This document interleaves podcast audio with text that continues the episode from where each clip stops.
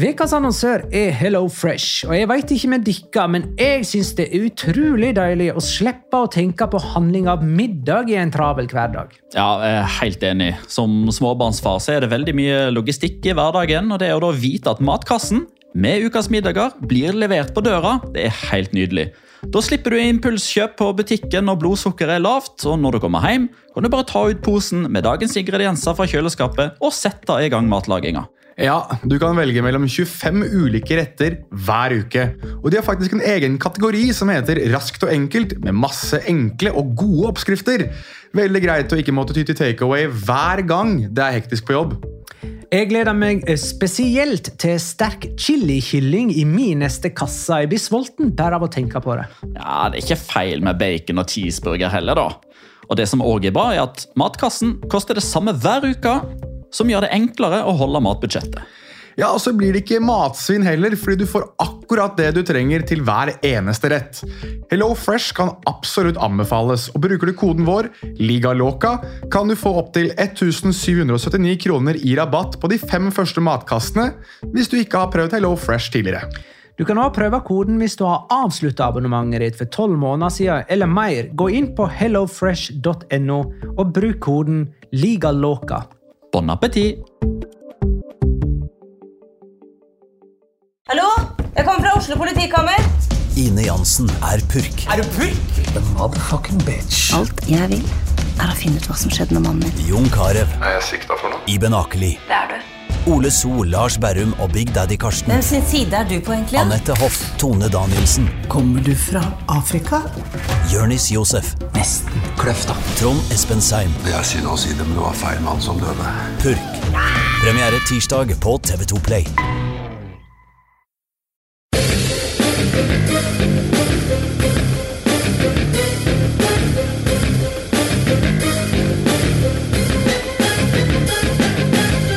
Sett?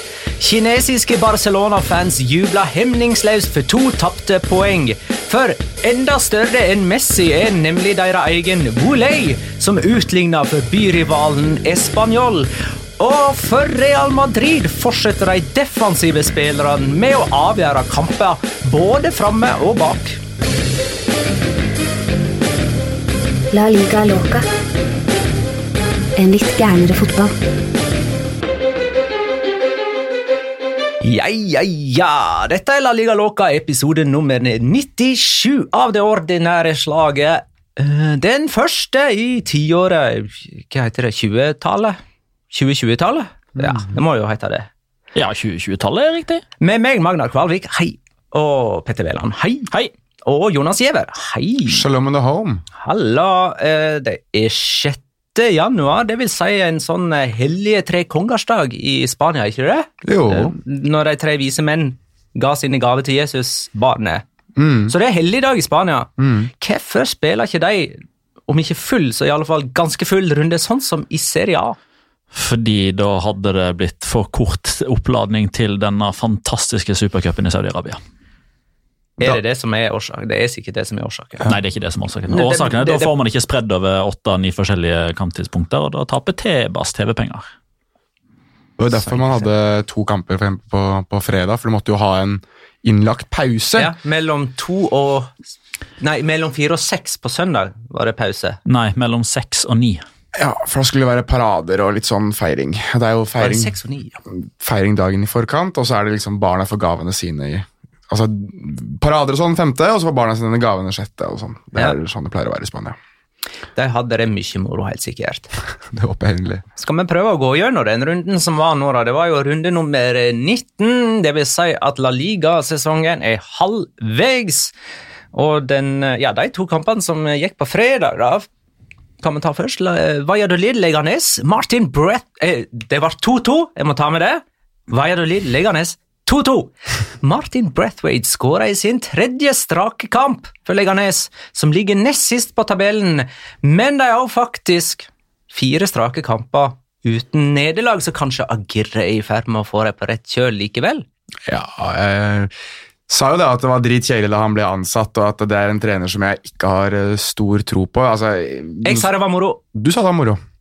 Og Petter er vel litt sånn midt imellom, tror jeg. At det er, Hvis resultatene er der, så er det greit, men at det ser fortsatt dritkjedelig ut når de spiller fotball. Ja, jeg heller vel med at det var en viss form for desperasjon der, og at eh, da er resultatene viktigere enn kvaliteten på det som foregår utpå der. Men den kampen så ikke jeg, men det, Det jeg. så nå ut at han var ganske moro.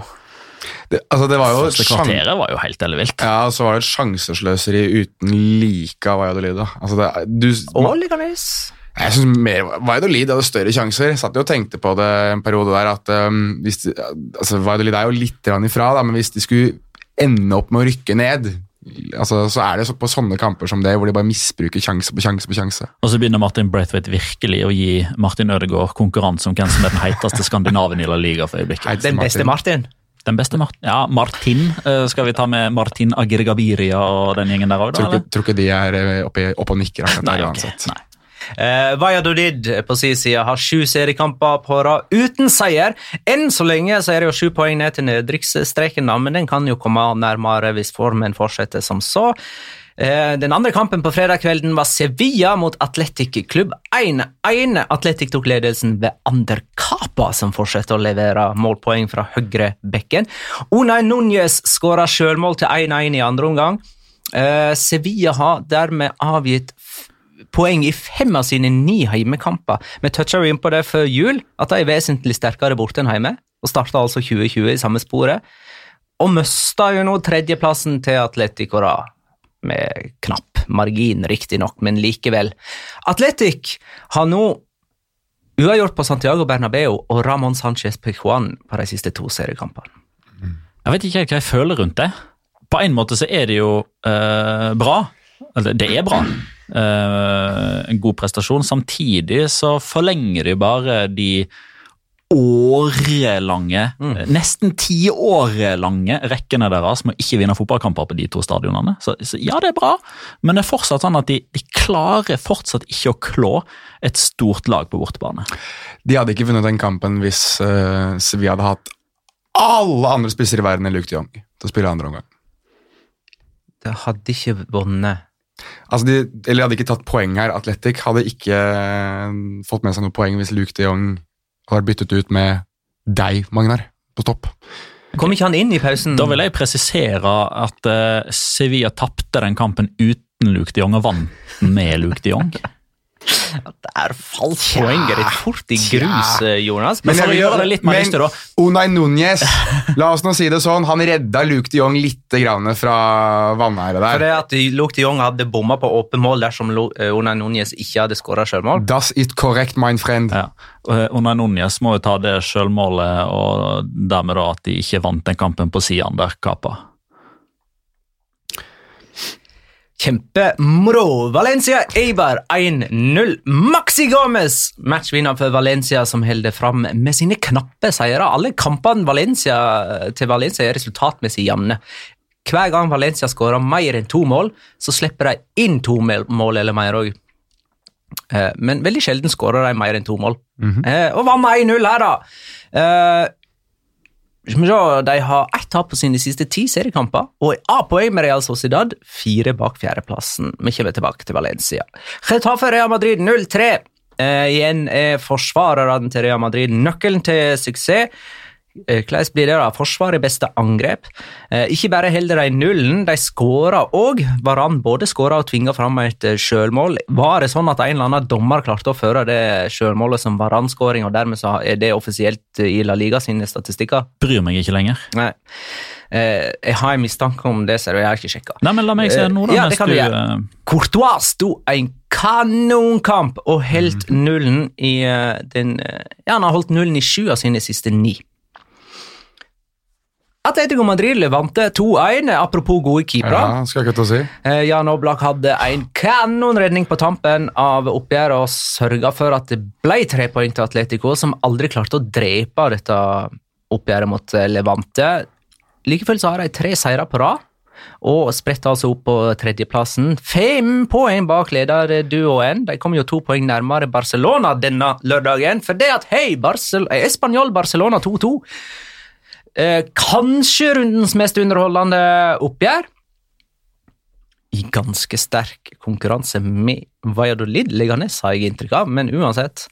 ehm, ja, begge lag leder. Español leder 1-0. Barcelona snudde til 1-2 før Voley altså kom inn og utligna til 2-2. Og Abelardo i sin første kamp som Español-sjef tar et eh, poeng.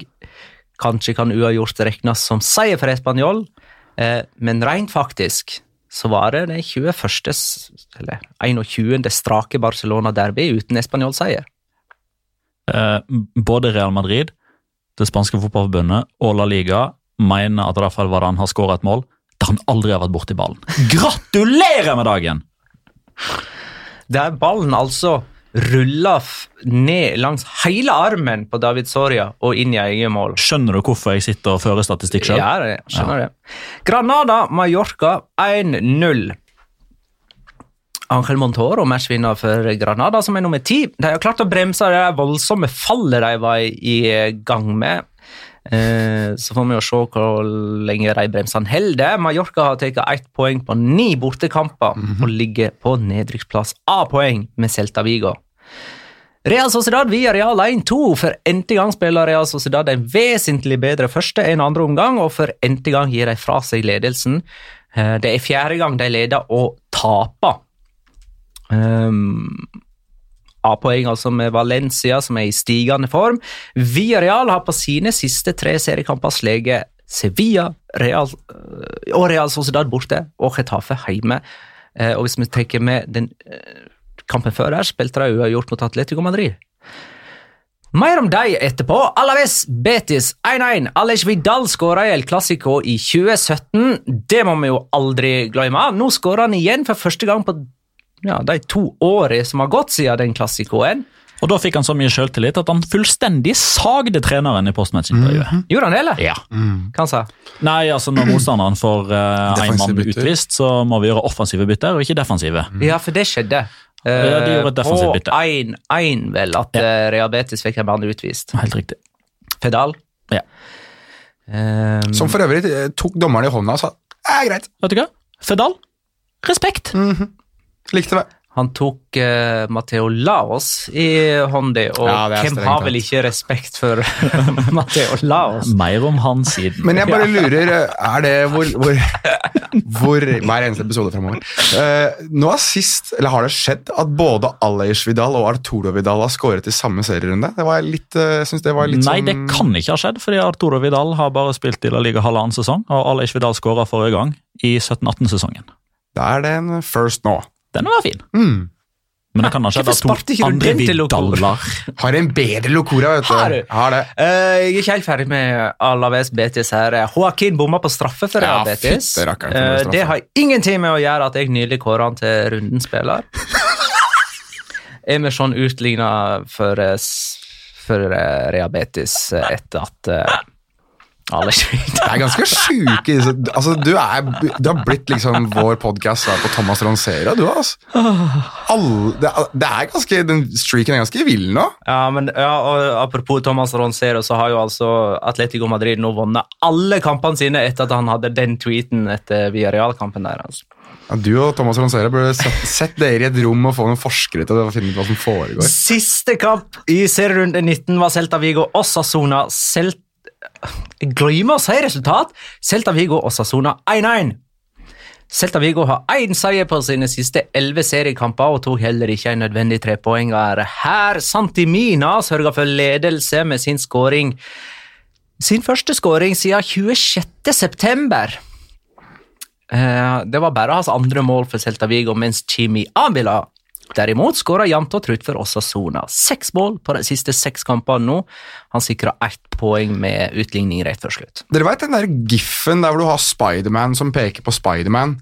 Er det litt sånn når Jago Aspas og Chimi Avila møter hverandre, så er det litt sånn? De er jo hverandres type superhelt i hver sin klubb, da. Jeg synes Jimmy Avila er eh, Jeg har jo sagt det før at jeg syns han er La Ligas mest undervurderte angriper, men eh, han er utrolig kjedelig postmatch-intervjuer òg. Det må jeg få sagt. Han har jo intervjuet nå på spansk radio der eh, de snakket om tilbud og litt sånn, og han kunne være på vei vekk. Og da jeg, eh, ja, jeg jobber hardt for laget, og agenten min tar seg av disse tingene, og jeg tenker kun på lag. Altså, For en mann som er så fargerik og så morsom på banen, gud hjelpe meg hvor grå kjedelig han var utafor. Så Nei, ja, men eh, jeg trenger ikke han å gjøre så mye sp eh, Altså, trenger ikke vise seg så mye utenfor banen. Han lar eh, fotene spille for eh, snakke for seg både på og utafor banen. Men da er det jo sånn da at uh, topptrioen er en topptrio igjen i eh, La Liga, ettersom Atletico Madrid har kommet seg opp på tredjeplass. Og Barcelona og Real Madrid igjen er A-poenget helt eh, øverst. Så vi begynner med Barcelona denne helga her. De eh, har fire seire, tre uavgjort og tre tap på bortebane og 8-1-0 hjemme. Altså fremdeles helt enorme forskjeller på hjemme- og bortestatistikken deres. De avgir flere kamper, det er flere poeng. De avgir poeng i flere bortekamper enn de vinner. Eh, er det en gull oppskrift? Det er jo en oppskrift til å lede tabellen, i alle fall så langt. Denne gangen så ble det altså uavgjort mot Español. Skal vi Bare for å ha skutt inn dette med, dette med å avgi og, og resultater og statistikker borte hjemme. Altså, det er jo bevist, i hvert fall hvis du sjekker de fleste lagene som vinner ligaen, at hvis du har en solid hjemmestatistikk og en sånn ok grei bortestatistikk, så pleier det å holde til seriegull, altså hvis du er et topplag. da. Så jeg tror at de legger premissene for å vinne ligaen på hjemmebane, kontra eksempel Real Madrid i fjor, da, året før der, en som tapte hjemme mot Levante og slike klubber ganske regelmessig, egentlig. Så jeg tror ikke det er en sånn slags vinneroppskrift de har, de har skaffet seg, men for å ta denne kampen, da, så jeg, jeg ser eh, fikk, Jeg husker ikke hvem som sendte inn spørsmålet, men det var en som stilte spørsmålet rundt spillestilen til Barcelona. og litt sånn, Er det individualistisk, eller hva er det egentlig som er planen? Og Du ser mer og mer konturene av det utover i denne sesongen. At det er mer sånn du gir ballen til ulike spillere og håper at de skal finne på noe. Nå har du hatt Luis Suárez som har vært involvert, enten med mål eller assist, vel, i de siste ti skåringene til Barcelona, som oppsummerer litt hvor viktig han plutselig har blitt. da. Og så har du- spiller desember ble han ja, kåret det ble nå, så, og det fortjent. Nå er jo plutselig Luis Suárez kommet til den der superstjerneformen sin. Nå har han vært dritt nå, sånn elendig bånd. Litt bedre, litt bedre, litt bedre. Og så nå har han plutselig blitt Luis Suárez Liverpool eh, første sesongen i Barcelona-formen igjen. Han, han er litt sånn Cristiano Ronaldo. Han Ja. de, siste, de, de to, kanskje tre siste La Liga-sesongene. Det er når han bestemmer seg for ikke spise så mye kjøtt, og man ikke snakker om magen Han kjenner hans. på eh, kjøttskammen. Det er noe man, er, det noe, har noen lagt merke til det? At Barcelona-supporterne veldig ofte klarer å grave fram bilder av Luis Suárez der han ser veldig veldig tjukk ut, og legger det ut sånn, sånn dårlig øyeblikk for Ja, altså med hashtag Valverde out. Ja, ja, det er jo Mm, Herregud. ja, ja. Eh, Arturo Vidal kom jo inn til pause. Det er jo n-te gang at Valverde gjør et bytte i pausen, og det er alltid eh, midtbane, eh, i midtbaneleddet det byttet kommer. Jeg føler Valverde han har egentlig eh, gått på ferie på FM. Og så bare han lagt inn sånne ting som automatisk skal skje. Eh, Semedo inn for Sergio Roberto, ned på Beck, eh, og inn med Arturo Vidal. eh, og så holder vi Messi og Suárez på banen i 90 minutter, uansett hvor dårlige de er. Jeg, ja. Ja, jeg bare skulle spørre, altså, kan, vi, kan vi begynne å snakke litt om hvor viktig Arturo Vidal egentlig er for det laget der? Sånn bare i, i forlengelse av sånne typer? Rett etter at jeg har kommet med min Valverde-teori, og det Ja. er at han har lyst til å framstå som et gen- geni som gjør genistreker med å gjøre sånn kloke bytter underveis i, i kampen, så han setter alltid opp det nest beste laget fra start, og så forbedrer han det i Da, pausen. da har jeg et tips til hva han kan gjøre. Start med Messi på benken, Ja, da- så kan du hive han innpå. Men som en det joker. vil bli for opplagt. Det er sånn, det er sånn ja. bruke juksekoder i PlayStation-spill. Men jo, um, Arturo Vidal er jo en slags tvist med Barcelona om uh, en eller annen klausul om hvor mange kamper han spilte forrige sesong, og at han skulle ha da en bonus uh, Ja, på hvor- hvor 2,4 millioner euro. Hvor mange minutter han skal spille i Ja, løpet av en kamp for at det skal være en kamp, er det som er disputten. Ja, ok. Herregud. Eh, da Barcelona da mener at du må spille mer enn x antall minutter, mens uh, Vidal og hans representanter mener at en kamp er en kamp. Ja. Det er sånn jeg har forstått det. Og ja, men De har en tendens til å ha- havne i sånne her tvister nå eh, Barcelona om klausuler, der det tydeligvis er ikke tydelig nok formulert til at det er uomtvistelige fakta i kontrakten da, som gjør at eh, spillerapparatet tolker det på ett vis og Barcelona sjøl på et annet vis. Eh, så vi får nå bare se hvordan det der går. Problemet er at det står på katalansk, at det er ingen som skjønner Ja, det kan være. på kontoret. Men eh, ja, Arturo Vidals bidrag Ja, altså, Vi har jo snakket litt om det da, i, i et par sesonger. altså Typer som Paulinho og Arturo Vidal, som er veldig atypiske Barcelona-spillere, men de tilføyer jo noe de ikke har, da, som regel. altså Litt mer power og kraft og dynamiske ferdigheter som ikke alltid har vært like tilstedeværende i det Barcelona-laget. og jeg synes eh, Arturo Vidal har vist det nå i en periode at han, han har noe, han har en X-faktor over seg som jeg ikke trodde han skulle ha i altså først og den alderen han er i, men også i det Barcelona-laget som jeg trodde skulle legge mer lokk på ham, slik Barcelona i sin tid eksempel gjorde med en annen chilener, Alexis Sanchez. Men, eh, men det er veldig både moro, men samtidig bisart å se hvor viktig Vidal er i det at det laget tør å stå litt høyere, tør å presse litt mer, tør, tør å være litt mer ja, kall det sjansedrivende, da, i det at de har en kar som gjør mye av den jobben enkelte på den midtbanen til Barcelona ikke virker som de er komfortable med å gjøre. Og da han skåra mot Spanjol, så hadde han faktisk én skåring per 90. spilte minutt, sånn cirka. Eh, Så han er ganske effektiv. Han og Messi er de som eh, behøver færrest minutter på banen for å skåre mål i La Liga denne sesongen, med unntak av et sånt statistisk avvik, men han har ikke spilt nok til at det teller. Iker Losada har skåra ett mål i løpet av de seks minuttene han har spilt, men det, det blir for lite. Det blir for lite. Eh, Isak Braunse spør Espanjol imponerte i helga, men er fortsatt fire poeng er fra trygg plass. Får vi se en bedre utgave i siste halvdel av sesongen? Ja, for det skal så insane lite til. Men om det blir bra nok, det tror jeg ikke. De står jo overfor ei historisk oppgave. Ja, Espanol. De, de skal, altså For at ikke de skal rykke ned for første gang på Det er ikke, det er ikke sånn Lillestrøm-aktig, det er det ikke, men det er 25-30 år. ish. For at ikke det skal skje, så må de gjøre noen ingen andre har klart. Nemlig å redde plassen etter at ha tatt så få poeng i løpet av første halvdel. De har tatt 11 poeng, og det er ingen som har klart uh, å beholde plassen med 12 eller færre. Nei, men hvordan framstår de eh, under Abelardo sammenlignet med Machin? uh, Gallego? Virker som de har lyst til å spille fotball igjen, i hvert fall. Det er jo en uh, ny greie for Jeg har i dem. hvert fall lyst til å løpe og blø og kjempe. og Det er jo litt sånn ironisk da at det Pablo Machin etterlyser, kommer i første kamp etter at Pablo Machin ikke lenger er der. Mm. for det David Lopez sa i intervjuet etter kampen, var at eh, man måtte stå tettere med lagdeler. Eh, og de lå altså med hele laget defensivt fra sånn 40 meter og inn, når de ikke hadde ballen. Og så med hele laget nesten på Barcelona sin banehalvdel når de hadde ballen. Så de var jo samla gjennom i hele kampen og bevegde seg som en klump. Er sånn, er sånn? Ja. Ja, det er, det er, De Vi kalte jo for Alavester på et tidspunkt under Abelardo, da de lå oppe og kjempa ikke om topp fire, men eh, altså, de var Nei, de var oppe og nikka der en periode. Ja, de var oppe og nikka med europaplasser, i hvert fall. Det var dem. Og det var jo Abelardo som tok det Alaves-laget som da var akterutseilt. Vi hadde, bestemt, vi hadde egentlig allerede bestemt oss for at de hadde rykka ned, og tok de opp. Og, altså, de overlevde det året, og så året etter så var de oppe og nikka på, på, på eh, topplasseringer. Så det er jo åpenbart at eh, han har en effekt i det at jeg tror hans meldinger også er såpass enkle og såpass grunnleggende og såpass klare at jeg, jeg tror liksom ikke at du, du trenger ikke å stille så veldig mange spørsmål ved det. Og det er vel mer det stå samla, press sammen, kortere distanser, la oss løpe mer.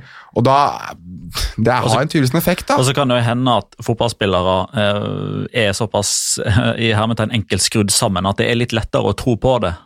Ja. Når Abelardo Fernandes eh, med sine 350 kamper for Barcelona står og sier det kontra Pablo Machin og David Gallego, som aldri har hatt noe stor aktiv karriere. Det kan være noe så enkelt som det. Den største rent praktiske endringen er jo formasjonsendringer, der de går vekk fra 3-5-2, som de hadde under Pablo Machin, til 4-4-2. Um, så det, vi får se om man fortsetter med det, eller om det var et sånt grep som man følte han måtte gjøre mot Barcelona. Og så sa vel også David Lopez i det samme intervjuet at eh, man får litt ekstra energi av å spille disse kampene her. For en gangs skyld var det bortimot fullsatt stadion. Jeg har aldri sett eh, RCD Stadium så pen som denne lørdagen. Eh, og det er jo liksom når eh, hverdagen kommer, at den samme intensiteten må være oppe. Så bortimot eh, Villarreal i neste serierunde må da ha den samme intensiteten, skal det bli Ja, men poeng. Der kommer de til å ta poeng, og jeg skal fortelle hvorfor uh, litt senere. Så jeg ville bare si at denne serierunden her var egentlig veldig, veldig, veldig fin å sitte og se på på TV. For det var ikke bare Spanjol som hadde mange på, på plass. Det var sånn, ja. utsolgt for Valladolid for aller første gang denne sesongen. Granada hadde fullt hus mot Mallorca. Español hadde sesongbeste mot eh, Barcelona. Retafe hadde solgt ut stadion mot eh, Real Madrid. Det var godt besøk, sånn, sånn som det alltid er for Sevilla, Valencia, eh, Atletico og Real Sociedad sin del. Celta Vigo hadde flere besøkende mot Osasona enn hva de har hatt tidligere denne sesongen, mens Alaves lå ca. på snittet. Så jeg antar jo, og i hermetegn frykter, at dette er fordi det er fridager, og det er i forbindelse med Reyes, Magos, og så at man er liksom tilbake til hverdagen om eh, to uker. Eh, Real Madrid ble pressa bra bakpå av Chetaffe, Getafe, spesielt i første omgang, igjen, men eh, likevel eh, en komfortabel seier eh, til slutt. Jeg fant en interessant statistikk på at Real Madrid vant den fysiske duellen her. De vant 34 mot 14 eh, hoveddueller hoveddueller og 11 mot 10 taklinger. Så enten så er Real Madrid undervurderte i det duellspillet, eller så er Getafe overvurderte i det duellspillet, eller så hadde Real Madrid bare en god duelldag. Ja, men når lineupen kom, så så man jo tendens til en viss mishagsytring blant flere Real Madrid-supportere, som jeg syns argumenterte fint for det, med at det var et ganske seigt lag. Og det var det. Og som Real Madrid-supporter så er det ganske sjelden at man slår seg til ro med at man stiller med et seigt lag, fordi Real Madrid de skal underholde, det skal gå fort. Det skal være sånn som 3-0-skåringer der Valverde og Bale og Modric er i fyr og flamme. Men jeg tror Zidane faktisk gjorde et taktisk genistrek der med å ha et litt rutinert lag og et duellsterkt lag som ikke blei med på leiken og som tålte å stå i de trøkkene der. Så Bale ble litt sånn småforbanna, spesielt den ene når han ble klept ned av Nyom, eh, som fikk gult kort og fikk smake på sin egen medisin fordi det var jo Real Madrid som tok ledelsen på det påfølgende frisparket.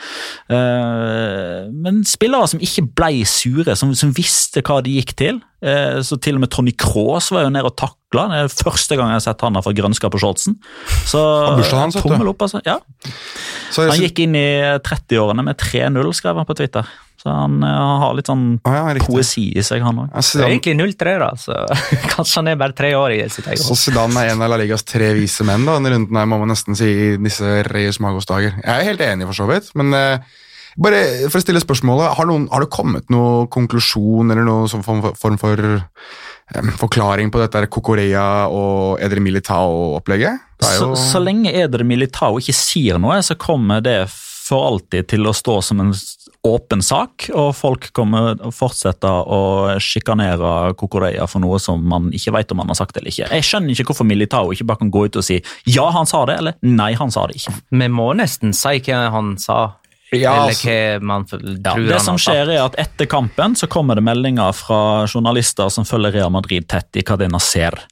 Eh, som, eh, som er en radiokanal. Eh, der de skriver at Real Madrid eh, er indignerte over at Marc Cocorea da angivelig skal ha kalt eh, Eden Militao for en apekatt. Eh, som på spansk er mono, men som på katalansk er mico. M-e-c-o. C-O. M-i-c-o. ja. Uh, uh, og uh, i etterkant av dette her, da, så um, og, det, og det som skjer, det har blitt fortalt av Isak Footo, som jobber for Gold TV, som har snakka med spillere og støtteapparat osv. Han vet hva som foregår inne i garderoben der. Marco Correa ser jo etter hvert på telefonen og sosiale medier og får fullstendig noia.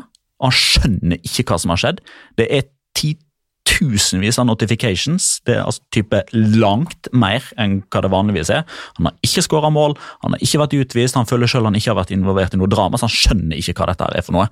Eh, og ser jo da etter hvert at folk kaller han for rasist og kaller han diverse ting. Han får fullstendig noia, ringer agent, ringer rådgiver. Hva har skjedd? Hvorfor kommer dette? Hva skal jeg gjøre? Eh, og de finner da fram til at eh, jo, du har blitt beskyldt for å ha sagt følgende. Eh, og han eh, unnskylder seg da via en sånn, kall det pressemelding da, på Twitter, der han skriver at han ikke har sagt Miko, men Pico, som da er nebb. Altså Kayate eh, Poto Kayate Topoko pi, Pico, og ikke Potomiko. Sett i helvete hold kjeft, er det han mener han har sagt. Klapp igjen nebbet, eh, skal han ha sagt til Militao. Ikke eh, din jævla apekatt, som det da ble tolka til av noen. I, Og så lenge Edre Militao ikke sier noe, så er jo denne saken her fortsatt åpen. i, eh, Si noe, mann! Si noe, Magnar! I, eh, I Serie A så har jeg prøvd å gjøre apekatter til et antirasistisk symbol. Ja, funker bra, det. Dit har ikke vi, så langt har ikke vi kommet. Uh, men jeg merka jo at uh, det Kokoreia her sa, ble studert nøye eh, av leppelesere og alt det som finnes eh, i spansk eh, sportspresse, for de har sånne leppelesere. Eh, Så de vil virkelig komme til bunns i dette her og vurdere det som en sånn skikkelig alvorlig greie dersom han faktisk brukte ordet apekatt mot Ja. Eden Militao. Og det, og det som gjør at eh, Gold TV, som er satt til fulgte sendinga etter kampen, fordi de sa at de hadde eksklusiver og bilder og alt sånt, for de fulgte enkelte spillere tett med sånne enkamera, som ikke tilhører TV-produksjonen, men som filmer akkurat hva de vil innenfor stadion. Og de hadde blant annet hatt, eh, gjennom en sekvens på 10-15 minutter, så hadde de hatt ett kamera som fulgte Kokoreia. Og i løpet av de 10-15 minuttene Kokoreia Cam, liksom. Ja, Kokoreia Cam. Eh, men de har jo òg da Kokam. eh, Kokam! Modric Cam. og Altså, de har fem, seks, sju forskjellige kamera. Og I løpet av de 10-15 minuttene, hver gang Kokoreia sa et eller annet, så var det på spansk. Så hvorfor han da plutselig skal begynne å kalle ting, eh, eller folk for ting på katalansk, det er òg noe eh, som de som da sitter i Gold TV, bruker som en eh, kall det forklaring på å eh, frigjøre Kokoreia. Eller frikjenne Kokoreia. Men vi veit ikke. Nei. Atletico Madrid vinner sjelden overbevisende, men eh, litt sånn som Valencia, da, så klarer de likevel å holde i land eh, seire. De har jo en matchvinner i den eh, ene enden. Nå skal dere få lov til å tippe hvem som har sendt oss denne tweeten. Alexander Larsen. Verdens beste eller ikke, bare glem det. Har vi noen gang sett en bedre keeper? Hyll, men ikke som runden spiller. Altså, tidenes beste keeper er Jan Oblak, da. Og du sa Alexander Larsen. Det, det er riktig. Alt er jo Alexander Larsen. Alt er Alexander Larsen. Alt er, kommer det fra Atletico Madrid, så er det han på en eller annen måte. Kommer gjennom ham på en eller annen måte, men uh, Der òg var det faktisk en forsvarer som ble matchvinner. Litt sånn som uh, altså, Det er en kjempekeeper som uh, redder dem bakover, sånn som Real Madrid, og en forsvarer som uh, skåra. de Oblactipus, som jeg hørte at Oblak har blitt uh, omdøpt til nå i visse, i visse segmenter, men uh, du skal vel inn på Felipe Reyes, Ja, han, ja, han skåra. Som eh, må jo da være en andre av de vise menn da, i La Liga, siden han er jo faktisk en Reyes, men eh, han holdt jo på å kveste Josema Jimenez på veien til å skåre det målet. Stakkars, han ble jo Husker dere da Jimenez var veldig ung og fersk i Atletico Madrid, og da han og Godin gikk opp i samme duell, og vi begge to kom ned rundt samtidig, og, og Jimenez hadde knukket nesa på Godin. Det var litt sånn jeg eh, fikk litt sånn flashback til det, på den skåringa til, eh, til Felipe, selv om Felipe åpenbart er vel eldre enn Jimenez her, så det hadde vært litt annerledes enn det var den gang, men flott scoring, og den feiringa hans, det må jo være Altså, Når du ser Felipe Reyes, du forestiller deg ikke at han kan slå flikkflakker, men det gjør han jo. Ja, men Gjort det han- et par ganger nå. Ja da, begge gangene han Ja. har skåra, så tar han den der. Ja, Han er vel ikke så langt ifra Alvaro Morata hva angår skåringer nå, er han det? Jo, det, det, han er Ja, ok, litt langt ifra okay. Alvaro Marata. Men likevel, om ikke eh, Atletico Madrid burde ha seg en ny spiss nå som overgangsvinduet har åpna, skal vi snakke litt mer om overgangsvinduet etterpå, eller? Ja, La oss uh, gjøre det etterpå. Nå kan vi ta litt flere enn bare Atletico Madrid i uh, one go. Vi kan uh, bevege oss videre til Valencia-regionens stoltheter. Eh, og da stryker jeg faktisk Levante ut av uh, den sammenhengen. De får ha meg unnskyldt. Jeg tenker mer på Valencia sjøl, og Villarreal. Eh, for å begynne med Valencia, da. Petter M skriver hvor mye vil skaden til Rodrigo påvirke Valencia framover? Er det noen nyheter om hvor lenge han er ute? Eh, Ja, altså Svaret på spørsmål to er jo litt fargende for svaret på spørsmål én. Det spørs jo hvor lenge han er ute. Ja. Men det vet vi ikke ennå. Vi har bare Men- fått en diagnose, ikke tidsestimat. Men det de trenger, det er jo en Maxi Gomez i form. Og nå er jo han der, tilbake. Ja. De klarer jo å bruke han sånn som Sevilla ikke klarer å bruke Luke de Jong. Som er targetbane, ja. Innimellom. Ja, og faktisk klarer å treffe pannebrasken. Ja, det var jo Daniel Wass som slo eh, en Vass-pass. eh, Så det var jo en sånn Celta Vigo-connection der. Eh, De har jo Jeg vet ikke hvor mange mål de hadde. Det har sikkert du statistikk på, Petter. Hvor mange ganger Vass slo assist på Maxi Gomez i Celta. Men det var litt gøy å se to litt sånn darlings i La Liga Loca Darlings gjøre det, gjør det bra. og For å svare på det spørsmålet angående Rodrigo Nå har jo kanskje Valencia den største spisskompetansen av alle La Liga-lag. Pisskompetansen, sa du. Altså, pisskompetanse. Jeg trodde han skulle si den største pissen. Ja, Det vet jeg ikke om de har, men eh, det er mye piss i Valencia. det kan jeg si. Men eh, denne kampen her så var det veldig mye bra, men de har jo også den største spisskompetansen på det å overleve perioder med eh, skader på viktige spillere. Så det altså, Samtidig som det er vrient hvis eh, Rodrigo er ute lenge, så er det vel kanskje ikke noe lag i La Liga som kjenner til den situasjonen like godt i hvert fall denne sesongen som det Valencia gjør. da. Så um, jeg vet liksom ikke helt hvor ille det egentlig er. Ja, Rodrigo er god, men de virker som de klarer å holde hodet over vann nesten uansett hvem som skader seg. Ja, som har vært soga hele sesongen. Jeg synes de har vært imponerende denne sesongen her, sånn skadesituasjon tatt i høyde. Så, Et, ja, etter at jeg liksom fikk ro på den trenersida, så har det på en måte stabilisert seg resultatmessig. det er på tide å i hvert fall Vi snakket litt om å gi Javier Aguirre litt skryt. altså Vi gjorde det siste episode òg, men altså, Salades har faktisk levert ganske bra. altså. Det må, må være lov å si det nå. at det, det var veldig mye skepsis rundt han fordi han ikke hadde hatt noe særlig med trenererfaring, og det U21-landslaget eh, som han vant EM med, det var liksom båret av individ, individene, kanskje ikke hans spillestil. og, og var han sterk nok, og det var liksom Peter Lim som hadde fått inn sin mann, og det som var, og dette kom til å gå, liksom, det var Gary Neville 2.0. Men det har gått veldig veldig bra, og han virker som han har fått inn den respekten han ønsker å få i spillerne, og det virker som de står bak ham. så da utnevner jeg han da til den siste av de tre vise menn i La Liga. Uh, for den, denne, Oi, nå tror jeg du var tidlig ute. ja, jeg gjør det den gangen. Så jeg skal, jeg skal bytte ut en etterpå, for det er, det er en som fortjener litt mer skryt. Men uh... Godt spot, det gjør du òg. Godt spotta med Vass, uh, Maxi Gomez. Uh... ja. seks. Ja, men jeg syns det er ganske gode tall. Jeg, da. Det er veldig høyt. Seks målgivende pasninger fra Daniel Vass til Maxi Gomez den ene sesongen de spilte sammen i Celta Vigo. Oi, det var såpass, ja. Det er mange. Eh, og jeg føler Det som er ekstra bra for Valencia sin del, er ikke bare det at resultatene er ganske bra, men det er liksom måten de kommer på òg, fordi det er sånne typiske selvtillitsbyggende resultat. Eh, enten så er det seier i lokalderby. 2-1 mot uh, Villarreal, 4-2 mot Levante.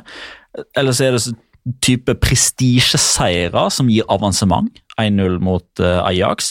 Uh, det er et sterkt poeng mot Real Madrid. Da får de riktignok en liten sånn down på slutten der det føles som at det er tap, men så klarer de å slå tilbake på akkurat samme vis mot Valladolid.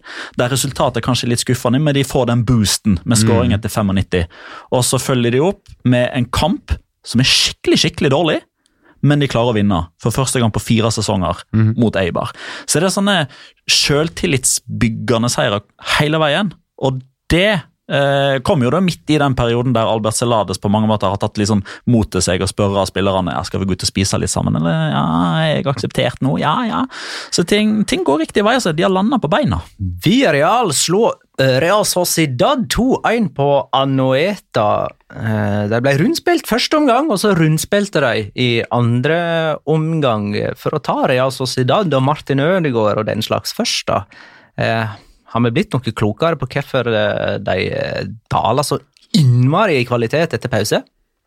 Syns ikke forsvarslinja deres er sterk nok, først og fremst. Er, altså, vi, Petter liker jo ikke Eller du har jo uttalt tidligere at Jorente ikke er akkurat eh, Du er ikke- helt solgt på ham. Uh, og Nå er, begynner jeg å se det litt, jeg òg. Han gjør mye merkelig. så Han ruser ut av posisjonen sin og virker som han skal dekke mer i rommet enn han trenger. og Være litt mer sånn superhero-stopper enn han trenger å være. Ja, og så har vi òg vært litt uh, rett påpasselig med å, uh, å hakke litt på eh, Igor Sobeldia.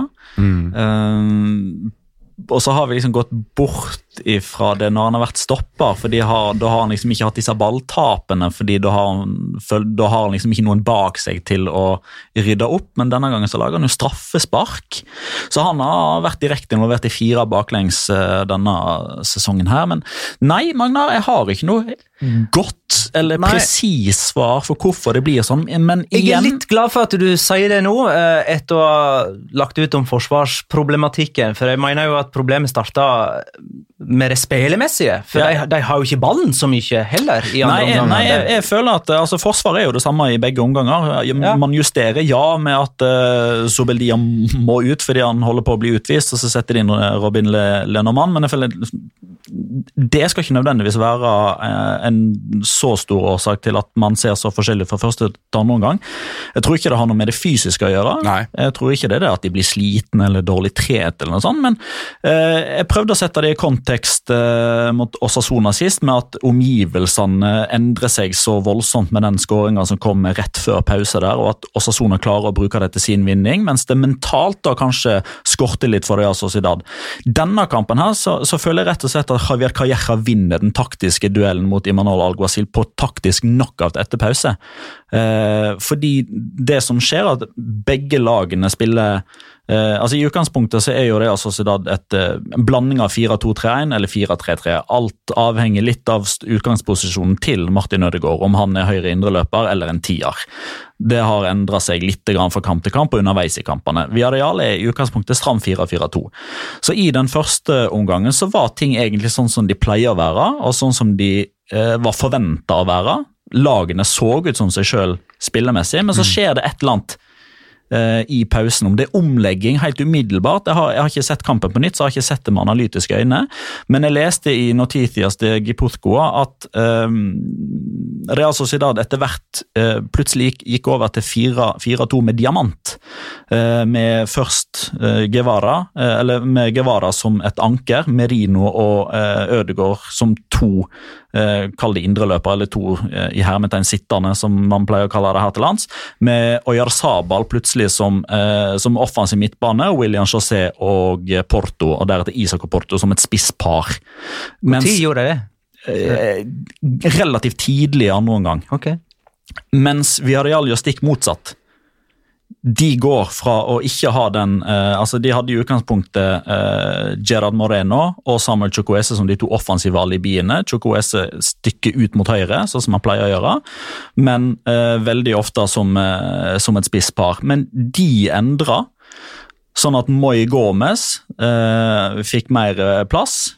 Og både Angissa og eh, Trigueros Trakanfang fikk plutselig de rommene å løpe i som Merino og Ødegaard fikk i første omgang.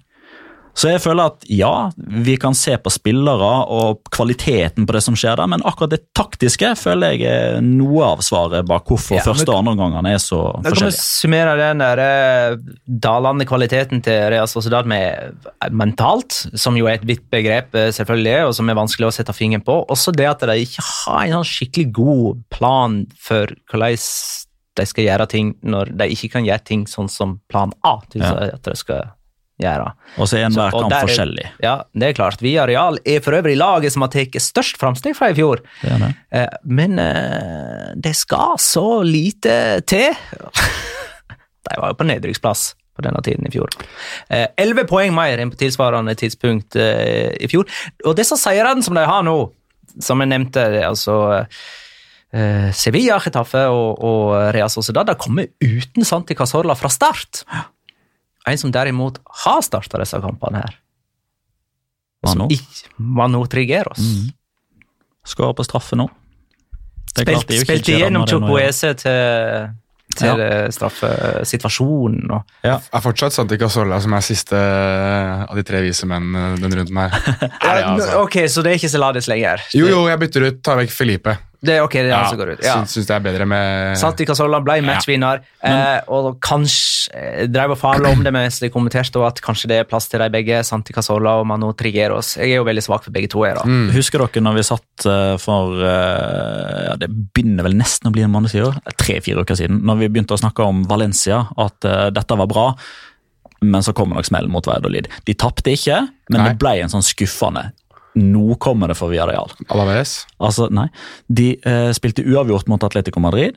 De slo Sevilla, de slo Retafe, de slo Real Sociedad. Det er lag nummer tre, fire, Nei, ja. fem og sju på tabellen. Nå får de besøk av tabelljumbo Ja, Español. Mm. Her blir det ikke seier, veit du. Det er den ene årsaken, eh, bare det i seg sjøl. Med at eh, etter så mange gode resultater mot gode lag, så skal de møte et antatt mm, som i tillegg da har kamp nummer to-effekten med ny trener Abelardo. I tillegg så har du det faktum at til nå denne sesongen her, så er det kun Real Madrid og Barcelona som har klart å vinne fire kamper på rad. Villarreal står på tre, og de kommer til å stoppe på tre. Det er litt interessant, eh, Vi var inne på det med effekter osv. Imanol Alguacil får ny kontrakt, taper da første kampen sin etter ny kontrakt. Mens eh, Manuel Pellegrini får sparken i Westham. Da skal Javier Calleja plutselig begynne å vinne masse kamper og gjør det bra med, ordentlig bra med Villarreal. Og David Moyes som overtar. Smekk 4-0. Eirik Horvath eh, skriver jo syns Pellegrini bør nevnes i altså, hver episode framover, slik, slik som sett igjen har blitt gjennom hele høsten. og eh, Jonas tok ansvaret, Mm. og vi venter bare på den neste kollapsen til Villarreal. Og så er Pellegrini inne igjen. Da skal vi spille når da, Let's do it, my friend. Ja. Petter? Ja. Riktig. Eh, jeg skal holde det kortere denne gangen, for jeg har lagt merke til både på meg selv og på andre at det har vært litt lang de siste to gangene. Eh, vi skal til en serierunde, eh, for jeg liker det litt sånn dette har skjedd før-variant. Fordi denne, sesong, eller denne serierunden her, så skåra jo Emerson. Det var en tyrker som kom i fokus. Enes Onal skåra to mål. For Valladolid, stemmer. Ja. En Barcelona-spiller ble utvist. Det skjer jo ikke så veldig ofte. Roger skåra mål, og Oscar Garcia leda Celta fra sidelinja. Eh, og veldig mye av dette her skjedde faktisk òg i serierunde 20 av en sesong, hvis tallet jeg ikke skal nevne. Emerson skåra mål. En tyrker kom i fokus. Nihat ble utvist. Si. Barcelona-spiller Fabio Rochenblach ble utvist. Å, herregud. Og Roger, type Garcia, skåra mål. Og han er broren til Oscar Garcia. Nå da? Nihat og Rosenbach. Det er vel 03-04 i Er dette når Nihat er Real Sociedad-spiller? Ja, må jo være det. Jeg regner med at det er 03-04-sesongen. jeg. Høres sånn ut. Hva er første der? Ja, det er runde 20, så da kan vi vel si 04 da, i så fall. Ja, må jo være det. Men hva er, hva er første greia? Hva? E- Emerson. Emerson, ja. Da er det nok litt seinere igjen. fordi eh, hvis det er eh, Emerson i Real Madrid, så kom han inn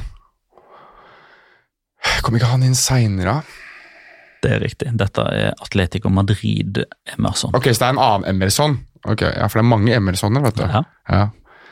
Uh, og da regner jeg med at det er han uh, godeste Emerson som spilte i Middlesbrough en periode òg, og han eh, Jeg kunne for øvrig tatt med at Joaquin brant straffe denne runden. Han spilte, skjøt i stanga i en kamp som Betis tapte i dette året. 03-04. Ja, jeg syns 04 er et bra forslag. Ja, altså. eller eller hadde, hadde Joaquin da gått til Valencia? Ikke 04, nei. Nei, nei. Nei, ok. Nei, da, si, da sier jeg 03-04, og da er det jo 04. Mm -hmm. Veldig godt tippa, men nesten. Det er 02-03-sesongen. Åh. men Det er i 2003. Så det er året før, altså. Det er ikke Santiana og jeg er inne på 50-tallet her. Det er uh... Nei, vi, vi var nå i riktig tid. Ja, gangen, det er det viktigste. Jeg er fornøyd med det. jeg. Ja, jeg også. Så vi tar og snakker litt om overganger og det som kan ligge der av store ting. Da tror jeg ikke vi bruker lang tid. Nei, Erik eh, Skal vi se, det blir vel Lå? Erik Lå? Ja, det blir det. Eh, hvem tror dere blir den neste nordmannen i La Liga? Vel, trenger ikke Atletico Madrid Erling Braut Haaland? Ingrid Mo Wold har vel signert nå for eh, Madrid-klubb, så jeg. Så Ja. Takon. nei, ikke Tacon, det er en annen Madrid-klubb. Ja, den FF. Ja. Madrid FF. Ja. Ja. FF. Uh, Skal vi, jeg tror ikke vi har nevnt Caroline Gram Hansen noen gang i La Liga Loca. Skal vi gratulere henne? Jo, vi jeg gratulerte henne når hun ble klar. Ja, ok, men sier det. Hun har blitt uh, fått gullball nå. Haugevis med målgivende pasninger og skåringer. skåringer. det som er, Hun blir jo genierklært hver eneste runde. Fantastisk. Mm. Ja, eh, hun hadde jo en eh, sånn her eh, signatur Graham Hansen-skåring med en sånn raid eh, for eh, noen uker siden. Det er ganske kult at hun gjør det såpass eh, Ja, sterkt i en sånn klubb. Men ingen kvinnelig overgang til Atletico Madrids herrelag, da, med det første. Nei. Nei. Det er jo, altså Skal du ha Atletico Madrid, så er det jo Ja, for Cavani, Edinson Cavani, Han har langt hår, men er ikke kvinne for det. Men uh, Edinson Cavani han er jo Det sies jo da, annet av Gianluca Di Marcio, som pleier å ha god kontroll på det som skjer, at uh, han er enig med Atletico Madrid om en kontrakt fra og med neste sesong. Nå er det sånn at eh, PSG er ganske vriene å overtale i det å selge Cavani nå. Rett og slett fordi han er jo backupen til Mauri Icardi og er et ikon. altså Han er jo tidenes mestskårende i PSG, så det er ikke kanskje det enkleste å bare slippe ham. Men det som skrives i Spania, i Marca annet, er jo det at uh, Cavani er desperat, loco, for, for å spille for Atletico Madrid nå. Så, og jeg tror nok at det kanskje er mer det at Atletico Madrid som er loco for å få ham på plass, mer enn noe annet. For de, de trenger en angriper, de trenger en ny nummer ni. Eh, all den tid de, de har nå ikke akkurat lever opp til forventningene, skal ikke si noe mer enn det. Uh, men uansett så tror jeg ikke Kavani går nå. Jeg håper det, for jeg syns han er en fantastisk god spiller, og det nærmeste jeg har sett uh, Gabriel Batistota i da fotballen som spilles nå, for de som kjenner meg, så vet jeg at Batistota er en høy stjerne hos meg. Nei, altså Blir det ikke han, så må det jo bli noen andre. Eh, Det virker som at de har gått all in eh, på spiss, og så har de de aller fleste eggene i eh, hønsekurven til Kavani. Men det virker jo basert på eh, litt sånn håper jeg, kilderyktesortering eh, at i hvert fall Paco Alcázar, men òg en gammel kjenning i form av Cedric Bakkambo, er på mange måter plan B, plan C. Altså, de, de, de vil ha Kavani, men går ikke det, så er ikke det sånn at de tar til takke med Ivan Saponic, eh, som eh, eh, fins, kanskje. Kan Stuani være en plan D? jeg ville definitivt ha vurdert det, men jeg har ikke sett det ryktet eller den Jeg skal sende en mail, så skal jeg si at det var du som kom med det, og så skal jeg si at du vel ikke har kåra han til Eh, det kan spiller. Det, nei, det var jeg som hadde det. Det er du som Ja, jeg hadde den Kristi eh, Han? Ja, Ja, og Han skåra jo ikke det eneste målet mål han etter det. Han ble skada han var ute i et år. Må han på straffe har han gjort etter at Petter gjorde det òg. Ja, men han har skåra på ti òg, da. Det har han. Men eh, nei, altså, det er jo som du sier, altså, Timo Werner var jo nevnt innledningsvis, og så endte det med at det tydeligvis har man funnet ut at den utkjøpsklausulen til Werner ikke er, aktiv før til sommeren, så da må man uansett vente, og det klarer ikke Atletico Madrid å gjøre. Men for å fortsette litt den med å sy sammen eh, ting som vi snakker om, da. Ja. Eh, Atletico Madrid, eh, nordmenn eh, altså Dortmund henter jo Braut Haaland, og av den eh, årsak så skal jo visstnok Paco Alcázar ha følt at greit, her er ikke det noe for meg å være lenger hvis jeg skal til EM. Så du skal ikke se bort ifra at eh, man ender opp med Paco Alcácer. Ellers har jo Real Madrid bekrefta ditt favorittkonsept. Uh, Jeg har ikke bekrefta det. har ikke det det? Nei. Nei, ok. Spansk media har nå bekrefta på vegne av Real Madrid da, Ja, at uh, Reinier 19. Jesus januar. Og hvorfor kom han inn akkurat 19. januar? Han er 17 år fra Brasil akkurat nå, og 19. januar følger han 18. Ja. Det er jo ikke, altså, det, det er ikke det verste de har gjort. De har jo signert 16-åringer som har venta på i to år og sånn. Ja da, dette her er De her er Jeg tar like det jeg får. Ja, her er ikke like Eh, Men eh, etter en eh, liten uh, tittersamtale med André Østgaard, som jo er Norges leksikon på brasiliansk fotball, så er jo Mhm. dette her en uh, kanondeal for eh, Real Madrid. Det er det, det lille jeg har sett av nå. Men jeg må få sagt da, når du heter Reinier, og du kommer fra altså Greit nok at det er veldig mye tysk i, i, i Brasil, men når, tenker, når du hører navnet Reinier, så tenker jeg på han Har dere sett The Simpsons? Han er tyske Arnold Schwarzenegger lookaliken. Rainier Wolfcastle. Nei. Jeg klarer ikke å se han uten å tenke på han der eh, Rainier Wolfcastle. Altså. Det, det kommer til å plage meg mange mange år framover. Er det noe annet stort på gang? Det virker som det er ganske rolig på dette. Ja, altså, Sevilla Ja, eh, de jo skal jo òg ha en spiss. uh, litt fordi Lutte de Jong ikke ikke Ja, har levert Kanskje så bra. Luke de Jong kan gå til Atletico, og så kan eh, Morata gå andre veien. Det hadde vært perfekt. Paco, men jeg tenker, bare for, bare for å avslutte Hvis, hvis Atletico Madrid signerer Paco Alcácer og har Alvaro Morata sammen Å, fytterakkeren, det er jo som et blødende sår, vet du. Herregud, det kommer til å være vondt å se på. Men, eh, Men blir Sevilla Sevilla linka til noe? Uh, ja. Uh, Julian Draxler er jo Ja. målet Ja. til eh, Monchi. Spørsmålet er om det lar seg gjøre. Du nevnte jo at PSG ikke nødvendigvis Mhm. er så interessert i å selge Cavani. Gjør de det, så vil de i hvert fall ikke selge Draxler òg. for de, Riktignok, de skal ikke nødvendigvis konkurrere på så veldig mange fronter, fordi den franske ligaen kommer nok til å bli avgjort veldig tidlig denne sesongen òg. Men det er jo det å få inn eh, det er klart, Begrepet nummer ni er jo veldig utvanna nå. En nier nå er ikke det samme som det var for 10-15 år siden, for da var det gjerne en stor, sterk spiss, target man, eller en bakromsspiss. Nå er det, så lenge du er en offensiv eh, profil, så er du per definisjon innenfor nier-segmentet. så Luke de Jong har som sagt ikke stått til forventningene. Det har heller ikke Javier Hernandez. Mones Dabur ble jo henta før Monchi og Lopetegi kom inn, og har jo knapt fått tillit, så det, der må det òg skje noe. Og Stian Kjelstad Hammer vil ha en bekreftelse på Sander Berga eh, til Sevilla. Helt dødt? Det kan han ikke få. Nei, altså, jeg mener, hva er status der? Ja, nei, Helt dødt? det- Helt dødt? Ja. Blir spennende, blir spennende å se hva som skjer eh, nå når Celta selger Lobotka til eh, Napoli. Det kan jo være at det åpner opp en mulighet.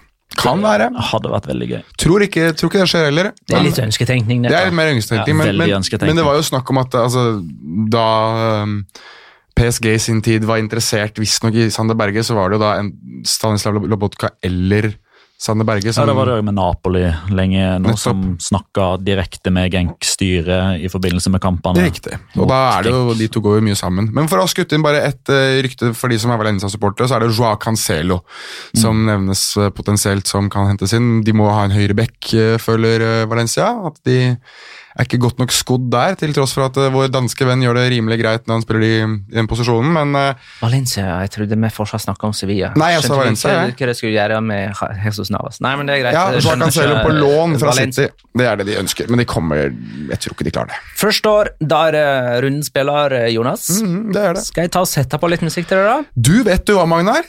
Det synes jeg du skal. Det er godt. Hei, verden. Husker du meg?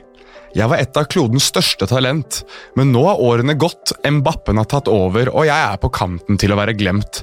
For da jeg var yngre, og jeg brautet meg gjennom forsvar, ord var ganske fattig, og jeg var en hero. Visste du at jeg var så god at de kalte meg den nye Sergio Aguero? Det er lenge siden nå, men jeg ser tilbake og tenker på hva som en gang var.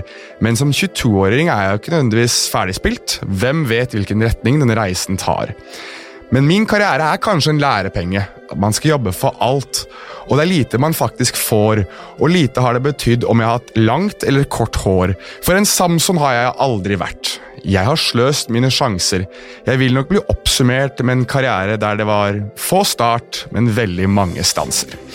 En supertalents vei er mange, og det er ikke alltid vi velger selv hvor vi går. Se på kontrastene mellom Freddy Adu og Martin Ødegaard. Men jeg husker at det var meg. Jeg skulle bli en av de største. Men så underpresterte jeg i fleng og led av målets egen tørste. Som unggutt ble jeg hentet fra mitt hjemland, en overgang som skulle inspirere meg til å jobbe flittig.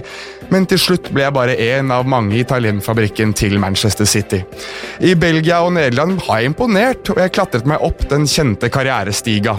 Og plutselig befant jeg meg blant stjernene som spiller i La Liga. Dere har sett meg i noen år. Da jeg kom til Spania, skulle ta dere alle med storm. Et opphold i Villarreal var mislykket, og heller ikke Levante kom jeg i skikkelig form. Men nå, mine venner, nå er jeg i gang, og min prestasjon er solid. Det tok bare noen år og litt tillit i Real Valladolid. For denne gangen var det min helg. Ja, nå var det min tur. Å følge i fotsporene til landsmenn som Nihat og Hakan Shukur. Karrieren har kanskje ikke gått den veien. Jeg har hatt mine knall og fall, men her står jeg fjellstøtt. Og mitt navn, det er Enes Onal. Han er fortsatt på lån, sant, fra Villarreal? Han er Villarreal-eid. Eh, ja, Uansett så ga det, det ga mer mening rimemessig å skrive det på den måten. Jo, jo, nei, det var ikke det jeg, oh, ja, jeg bare tenkte på. Eh, uh, Villarreal, som har ganske mange spisser. Mm -hmm. Carlos Bacca sitter nå der på den der benken. Han har grodd fast. Men greia er det at hvis han løper, så knekker du jo sammen uansett. Men nå, eh, det tror jeg eh, Jeg har en gang kåra han til rundspiller, har jeg ikke det? Ikke denne sesongen, altså. Carlos Bacca. Nei, eh, Enes Onal. Har du det? Jeg lurer på det.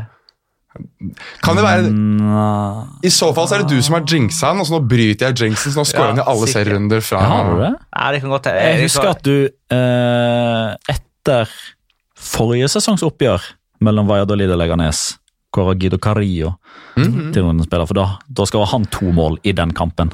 Hvor er han blitt av nå? Nei, han kom jo inn i den kampen uh, på fredag. Og nå er det tid for Locora! Ukens La Liga Locura. Locura. Locura. Locura. La Liga Locura.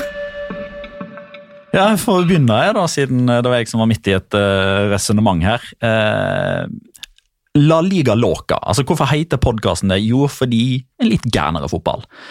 Og de mest gærne minuttene med fotball jeg så eh, denne runden her, det var en eh, 3 minutter og 45 sekunders lang periode av Alaves mot Betis. En kamp som i utgangspunktet er så der. Sjøl for oss så er den kampen litt så der. Og så ser vi hvem som dømmer kampen, og så blir den ikke lenger så der. Eh, Det er et det er ei ellevepunktsliste som jeg skal lese veldig raskt. Oi! Det første punktet da er det 44.00. Ruben Duarte feller Nabil Fikir. Det er veldig lett å se for reprisene at han gjør, men ikke nødvendigvis live. Punkt to. I'm so confused, sa Pete Jensen, som kommenterte kampen, eh, og som var lydsporet som lå ute på Strive. På grunn av oppførselen til Matheo Laos. Han spankulerte sakte, ingen klare bevegelser, han bare prater. Snakke, snakke, snakke. Typisk Matheo. Punkt tre. Var det Duarte som skulle få det kortet som han står med i armen, og dermed straffe? Eller var det Fekir som skulle få kortet og dermed bli utvist, for han hadde gul kort før? Punkt fire. Ok, Duarte får kortet. Da må det jo være straffe!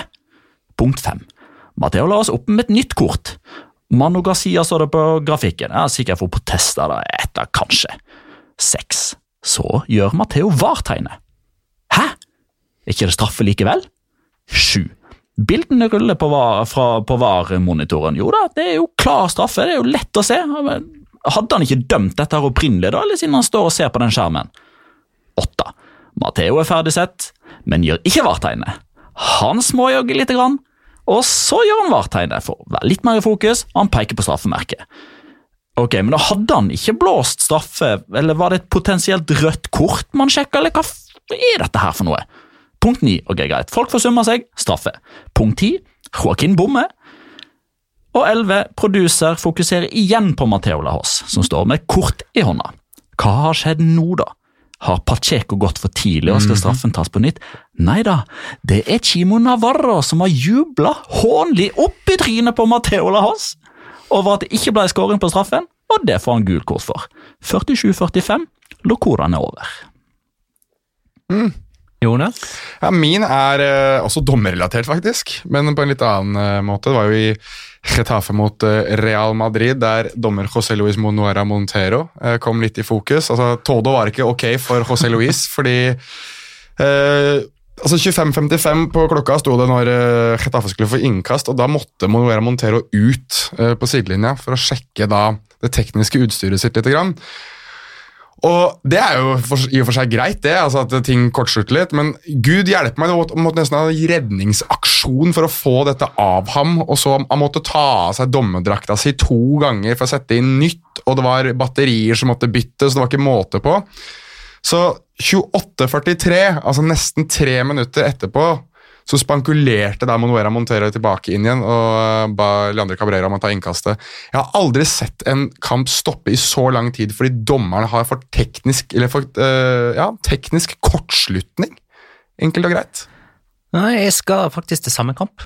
Hei! Yay. Eh, det var en del enkeltmannsprestasjoner som var blendende denne runden. Eh, Redningen til Courtois, eksempel, på stillingen 0-0. Eh, jeg husker ikke hvem som skjøt nå, men det var på sånn volley innenfor 16 meter. Eh, redningen til Oblak på overtid mot Atletico Madrid. Faisal. Ja, det var han som skjøt. Stemmer det.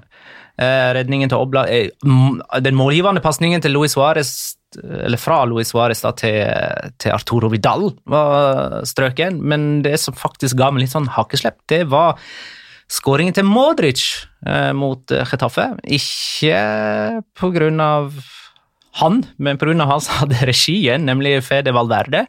Um, en ting er at han var alene med keeper og viser jo bra lagånd ved å spille den ballen på tvers til, til Modric, men den hinsidige farten han har på det løpet sitt, det var jeg faktisk ikke klar over at han hadde i seg. Han starta altså på egen banehalvdel idet ballen ble slegen igjennom, og han starta bak Portillo, som jeg ikke trodde var i sinka, i alle fall. Jeg tror det egentlig fortsatt ikke. Eh, og Valverde springer ikke bare forbi han, men han bare øker den avstanden noe så betydelig mens han har ballen, og, det ser så eh, Hva man kaller det så eh, uanstrengt ut når han springer.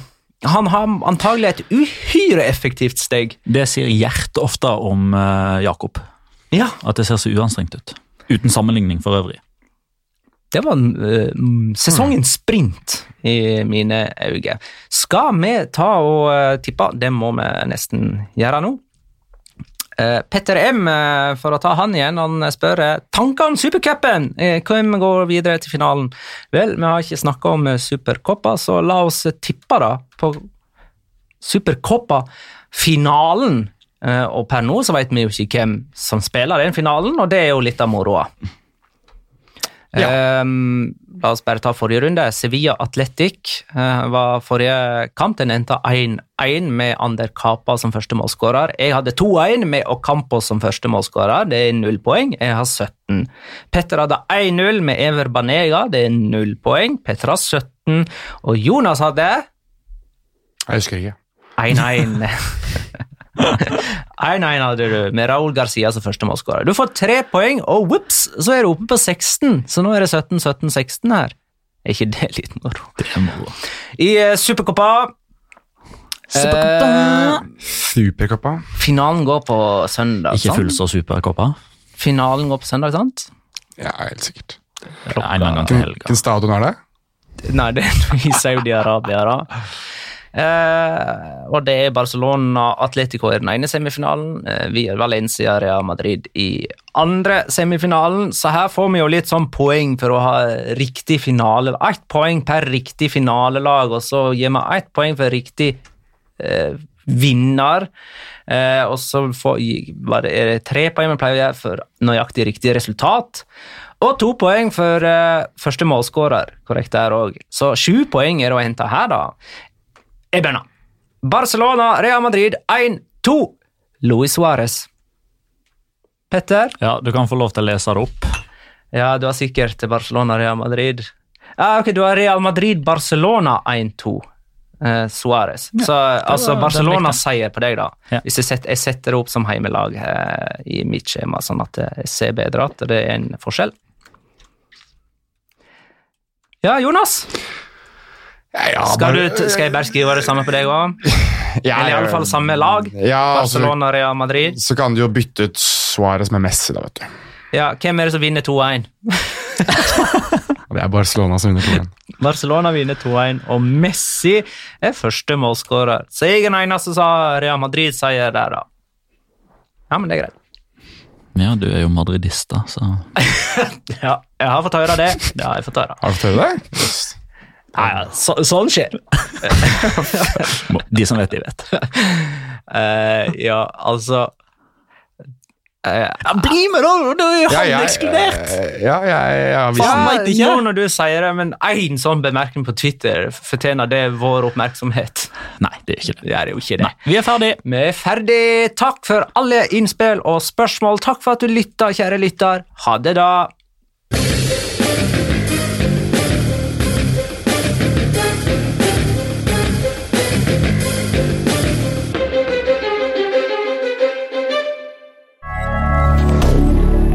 Moderne media.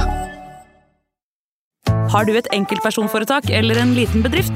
Da er du sikkert lei av å høre meg snakke om hvor enkelt det er med kvitteringer og bilag i fiken, så vi eh, gir oss her, vi.